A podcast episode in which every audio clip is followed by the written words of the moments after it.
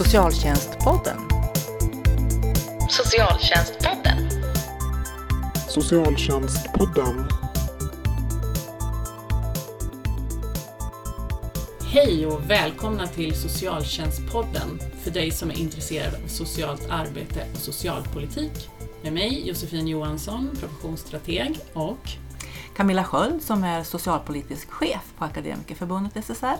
Och dagens tema är Behövs biståndshandläggare inom äldreomsorgen? Varför har vi satt den här rubriken Camilla? Mm, den är kanske lite provocerande men det handlar ju om den diskussion som har pågått sedan länge nu om man verkligen ska behöva ha ett biståndsbeslut för att få hjälp med enklare serviceinsatser när man blir äldre. Eh, och Linköping hade ju lite olika försök som satte ljuset på den här frågan och Socialstyrelsen gick ut och sa att så här får man inte göra och förvaltningsdomstolarna sa samma sak.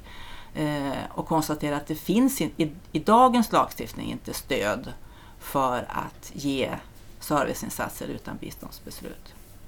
Men det här är ju ändå något som görs på flera håll och som har gjorts även om domarna med Linköping också har gjort att kommuner har backat på den här frågan. Ehm, varför är det så känsligt för förut Socialstyrelsen och IVO och mm. förvaltningsrätten? Och, nej men det är, jag tror att de gör helt rätt i sina analyser att lagen tillåter inte det här. Så att eh, Varken Socialstyrelsen eller förvaltningsdomstolen de har inte tagit ställning, ställning till om det här är bra eller dåligt utan de har ju tittat liksom, som sagt om det finns eh, lagstöd.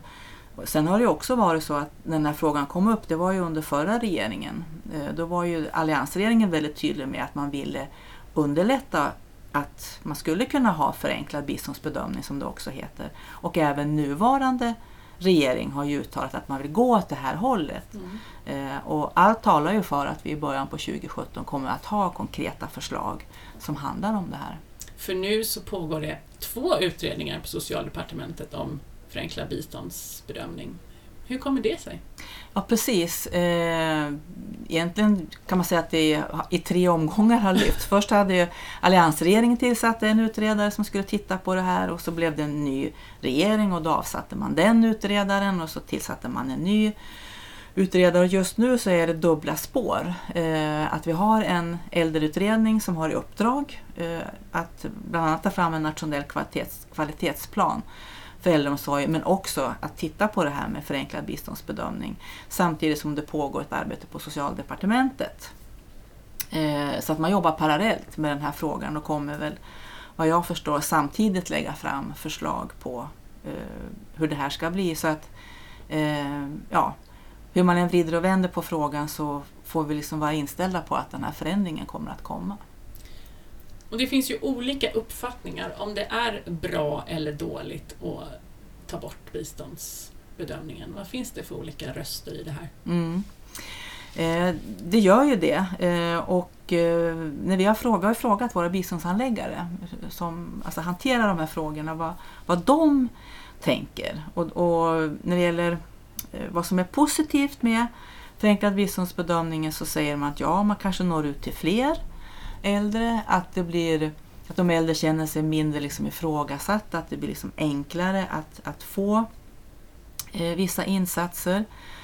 Eh, man tänker också att man som biståndsanläggare då kanske kan ägna mer tid åt mer kvalificerade eh, ärenden eh, och också att det kan, kan minska byråkratin. Det är liksom i den ena vågskålen. Mm. För där hör man ju ibland att äldre föredrar att köpa ruttjänster där de själva kan bestämma att någon kommer hem och städar snarare än att ta kontakt med socialtjänsten och mm. få sina behov utredda.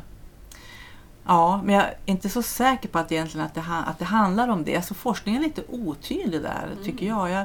Jag läser vissa kunskapssammanställningar som säger att äldre upplever det väldigt obehagligt med med eh, att bli biståndsbedömd.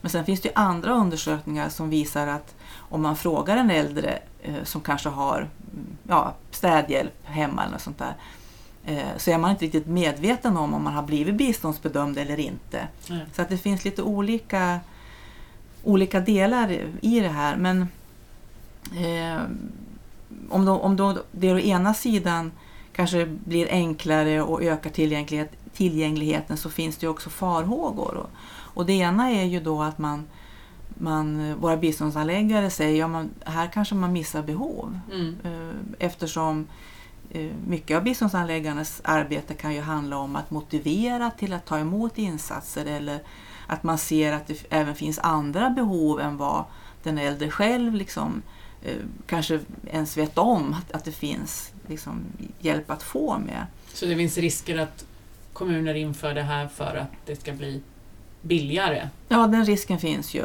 mm, uppenbarligen och också eh, har vi biståndsanläggare som funderar på ja men det här kanske passar de äldre som är lite aktiva och pigga och så medan andra som inte är det, var- vart kommer de in i det här? Så att det gäller ju när man gör den här förändringen att man verkligen tar ett helhetsgrepp eh, och säkrar upp att, eh, ja, att målet måste ju vara att alla gamla som behöver insatser från samhället ska få det. Mm. Vad vet vi om vad äldre tycker om? Ja, vi var ju lite inne på det, att det, Mm. det, det, är, ju, det är ju blandat. Eh, Men vi har ju jobbat tillsammans med pensionärsorganisationerna, Mm, både vad säger den, de? Demensförbundet och PRO och SPF och de vill ju se det här ett förenklat eh, prövning. Att man kanske bestämmer att vid x års ålder så har du rätt liksom, till vissa timmar städhjälp och så. Så att de är ju, eh, driver ju det här Mm. eh, och vill ha det på det viset. Då. Och sen tänker man att rätten att få mer behov till godo eller bedömda finns kvar även med det här systemet. Ja, alltså vi eh, jobbar ju nära med PRO och med Kommunal. Mm. Eh, och bad och, också forskare, alltså Äldrecentrum, att, att titta på det här. Så vi tog faktiskt fram en modell för hur förenklad biståndsbedömning ska kunna gå till. Och en av inslagen där det är just det här som du pekar på, att, att det måste alltid finnas möjlighet att få göra en biståndsbedömning. Eh, att ha möjlighet att få ett beslut och att jag kan överklaga om jag inte är nöjd. Och det kan ju också handla om om man har kognitiva svårigheter och så, så måste ju också kommunen ta, ta sitt ansvar. Och i den här rapporten, där har vi ju också lite funderingar runt biståndsanläggarrollen. Ja, jag skulle precis fråga det, för finns det, någon, finns det fortsatt en plats för biståndshandläggaren i den här modellen? Ja, det gör det, gör det ju absolut. Eh, och det vore ju ett stort misstag om inte kommunerna liksom tog den, den chansen. Eh, för det är ju både så att man behöver ha möjligheten att kunna få eh, biståndsbedömning i, i vanlig ordning och så. Men sen har ju biståndsanläggarna där många är socionomer till exempel. De har ju kunskaper i socialt arbete som så väl behövs inom äldreomsorgen. Att Som de kanske inte får tillräckligt mycket utrymme för idag. Nej precis, det är mycket administration och, och kanske mycket rutinartat arbete. Samtidigt som vi vet att när vi blir äldre så behöver vi psykosocialt stöd till exempel som Mm. biståndsanläggarna skulle kunna hjälpa till med. Många som kanske behöver insatser både från hälso och sjukvård och olika delar av kommunen. Där skulle biståndsanläggaren kunna vara Det en, finns liksom ju en ett stort behov av samordning. samordning. Mm. Och i den här rapporten med, som vi har gjort med Kommunal och PRO, där, där kallar vi det ju äldrevägledare. Just det. Så att den här idén eh, vi har om att passa på att vidareutveckla biståndsanläggarrollen, den har vi ju nu spridit också. Så att vi vet ju att Socialdepartementet när de sitter och tittar nu på hur de ska lägga förslagen, då har de ju det som ett underlag och vi Mm. håller ju tummarna för att man också tittar på den här delen då när man kommer med sina förslag. För det är klart att det kan finnas de biståndsanläggare som är oroliga för att deras jobb är i fara. Mm. Ehm, tror du att kommuner kommer att säga upp biståndsanläggare Ja, vi, har om det verkligen, här införs? Vi får verkligen hoppas att det inte blir så, eh, för det tror jag skulle bli, bli dyrt i längden. Mm. så att säga. Utan att man som sagt var hellre ser den här möjligheten att, att lyfta fram en, en, en kompetens och, och att jobba som sagt mer med kvalific- kvalificerat socialt arbete. Men det handlar ju också om att driva opinion för det. Mm. Och, och det har vi ju gjort då som förbund och som sagt de som nu arbetar med frågorna de, de känner ju till liksom, de här förslagen som finns. Men vi tänker oss ju också att när förslagen väl blir verklighet att då behöver vi jobba med opinionsbildning och, och sprida den här, lyfta den här diskussionen. För vägledning låter ju något, som något som man kan ha stort behov av med tanke på den flora av hemtjänstföretag som finns i många kommuner. Mm. Ja, det är både floran av, av eh, hemtjänstföretag men också att man eh, kan behöva insatser från olika håll. Mm. Att det kan vara vissa hälso och sjukvårdsinsatser, eh, hemsjukvård. Eh, det är många professioner inblandade också, arbetsterapeuter, sjukgymnaster och så vidare. Eh, och särskilt om man är socionom, då har man ju den här kunskapen om hur samhället fungerar och, och skulle kunna vara den här koordinatorn, vilket skulle kunna vara ett, ett jättebra stöd för kommunen, ett jättebra stöd för den äldre, men också för deras anhöriga. Mm. Eh, och sen återigen så är det ju rätt anmärkningsvärt att vi i, idag så dåligt svarar upp på, på problematik med psykisk ohälsa och, och de delarna. Och, och samtidigt som när vi vet att när vi blir gamla hur många existentiella frågeställningar som, som dyker upp, att eh, nära och kära går bort och så vidare. Mm. Så det är ett, ett gigantiskt behov av psykosocial kompetens och här finns det människor på plats som skulle kunna jobba med det. Så det Men deras yrkesroll skulle... Idag, idag hindras man ju. Ja, Ja. idag hindras man ju Mm. eh, i det. Eh, så att, ja, ser man möjligheterna i det här och, och gör det liksom ur ett helhetsbegrepp, då kan det bli väldigt, väldigt bra. Och det låter ju också som att det skulle kunna ur ett helhetsperspektiv bli mer effektivt och bättre för den äldre och alla inblandade just om den här koordinationen fungerade bättre mellan kommunala insatser och hälso och sjukvården. Ja. Och jag tänker också att det här skulle kunna leda till att vissa enkla frågor, trygghetslarm eller färdtjänst eller vad, det kan vara, kan man kanske hantera mer genom eh, administratörer och så, att biståndsanläggarna får ägna tid åt mer komplexa eh, ärenden och, utredningar. Så att det skulle kunna öka professionell, det skulle kunna öka tillgängligheten för de äldre, det skulle kunna öka kvaliteten, det skulle kunna öka professionaliteten och faktiskt att det skulle bli effektivare. Så det låter som att det finns förutsättningar att det skulle kunna bli något väldigt bra om Mm. man tar tillvara på alla möjligheter som finns. Mm.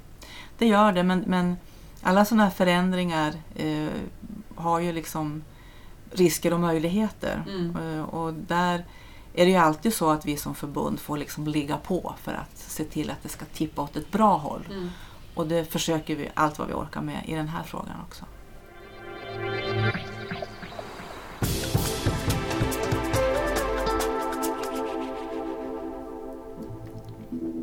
Det här vi har pratat om nu- nu handlar ju mycket om den framtida rollen för biståndshandläggare. Men hur ser det ut idag då? Hur skulle det skilja sig mot dagens roll? Mm. Eh, det är ganska tufft att jobba som biståndsanläggare inom äldreomsorgen och, och viktigt. Eh, vi hade något, när vi hade samarbete med PRO så vet jag att det var någon som sa att biståndsanläggarna det, det är de som bestämmer hur mitt liv blir. Och det säger ju någonting om hur viktigt det här jobbet är. För det här är ju faktiskt det är ingången till hela äldreomsorgen, liksom Ja. första steget. Eh, och då blir man ju bekymrad när man förstår dels hur många ärenden man har per biståndsanläggare. Att eh, man inte hinner med att göra uppföljningar. Vi gjorde någon koll för något år sedan och träffade på biståndsanläggare som hade upp till 200 ärenden som var liggande som man inte hade, hade följt upp.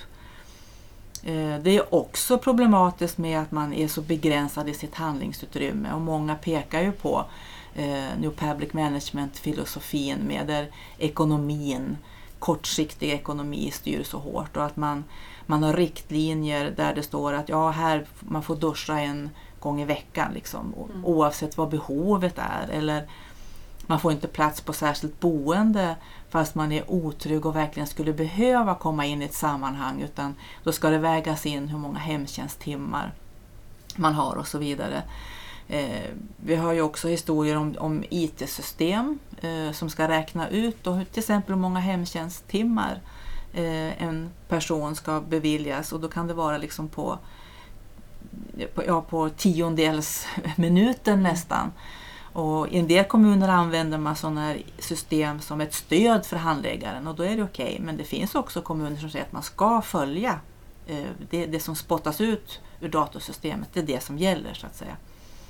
Så att om man då tänker att det här jobbet är så viktigt och att det skapar liksom eh, avgör mina livsvillkor som den här personen uttryckte så, så är det ju minst sagt bekymmersamt att det är så duktiga, välutbildade handläggare som blir så begränsade i sitt, sina möjligheter att göra ett riktigt gott professionellt arbete. Och som också får ta emot mycket kritik för riktlinjer som är politiskt beslutade. Ja. Att de inte ser människors behov utan bara ser till vad datasystem eller instruktioner säger. Mm. Och det har ju att göra med att, att det politiska ledarskapet är ju, är ju så otydligt. För det är klart att eh, trots att vi har en socialtjänstlag som ska bygga på behov så finns det ju ekonomiska ramar mm. någonstans. Och, det här, eh, och de är ju väldigt snäva och väldigt tydliga å ena sidan men å andra sidan så, så är det ju som du säger biståndsanläggarna som ofta får bära hundhuvudet. Att, det, att de liksom står för eh, att, att vara restriktiva och snåla när det i själva verket är väldigt tydliga politiska signaler som ligger bakom det här. Och det här skulle man ju önska att kommunerna eller att kommunpolitikerna mycket tydligare klev fram och tog sitt ansvar och står för vilka prioriteringar man gör. Men det är också ett led i det här New Public Management-tänket att man trycker ut det ekonomiska ansvaret långt ut. Mm. Vi stöter ju på biståndsanläggare som har kostnadsansvar vilket ja. är ju fullständigt befängt. Eh, samtidigt som de då eh, egentligen inte har möjligheter att, att och ska egentligen inte ta det ansvaret. Som biståndsanläggare ska man hantera lagstiftningen, göra professionella bedömningar, professionella beslut och eventuella inskränkningar, det måste politiken stå för och visa att det här är ett politiskt beslut. Biståndshandläggaren måste ha det utrymmet att kunna visa på vad är den här personens behov? Ja, alltså man, det är det vi driver, eh, att eh, biståndsanläggare måste ha det mandatet. Mm. Att alltid kunna... Eh, och fullföljer man inte lagstiftningen då ska det vara klart att det är politiken som har lagt sig i så att säga. Så på ett sätt så kan då förenklad biståndsbedömning i ett längre steg också leda till mer tillit till biståndsbedömares eh, profession och kompetens? Ja, man kan, ju, man kan ju hoppas. Och sen kan man ju också hoppas på den diskussion som nu har öppnats upp om, om tillit och, och eh, ministern Shekarabis initiativ om, eh, kring tillitsreformen som ju handlar just om det här om att professionen måste få större handlingsutrymme. Autonomi pratar han om. Och om man liksom översätter det till biståndsanläggare inom äldreomsorgen så skulle det ju handla om att man faktiskt har rätt att tolka lagen och också har rätt att säga att nej, men den här lokala riktlinjen den stämmer faktiskt inte överens med intentionerna i lagstiftningen. Eh, och att man alltid ska ha ett handlingsutrymme att göra den här individuella bedömningen. För det finns ju inte heller när man ska eh, liksom, ja, anpassa sig till att här i den här kommunen gäller det så att du får duscha en gång i veckan. Mm.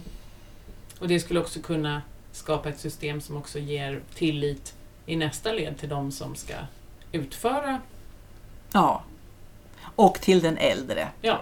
För det, det är ju det, det här kontrollerandet och, och insnävandet av handlingsutrymme som liksom har präglat näst, ja, stora delar av offentlig sektor. Det, det påverkar ju eh, ytterst liksom medborgarna som får de här servicetjänsterna. Mm. Och det påverkar professionen och det är inte bra för någon. Och de anhöriga som vi också hör får kliva in och göra mer. Ja. Men för att sammanfatta dagens tema då så kan man säga att förenklad biståndsbedömning mycket troligt kommer att bli verklighet. Mm.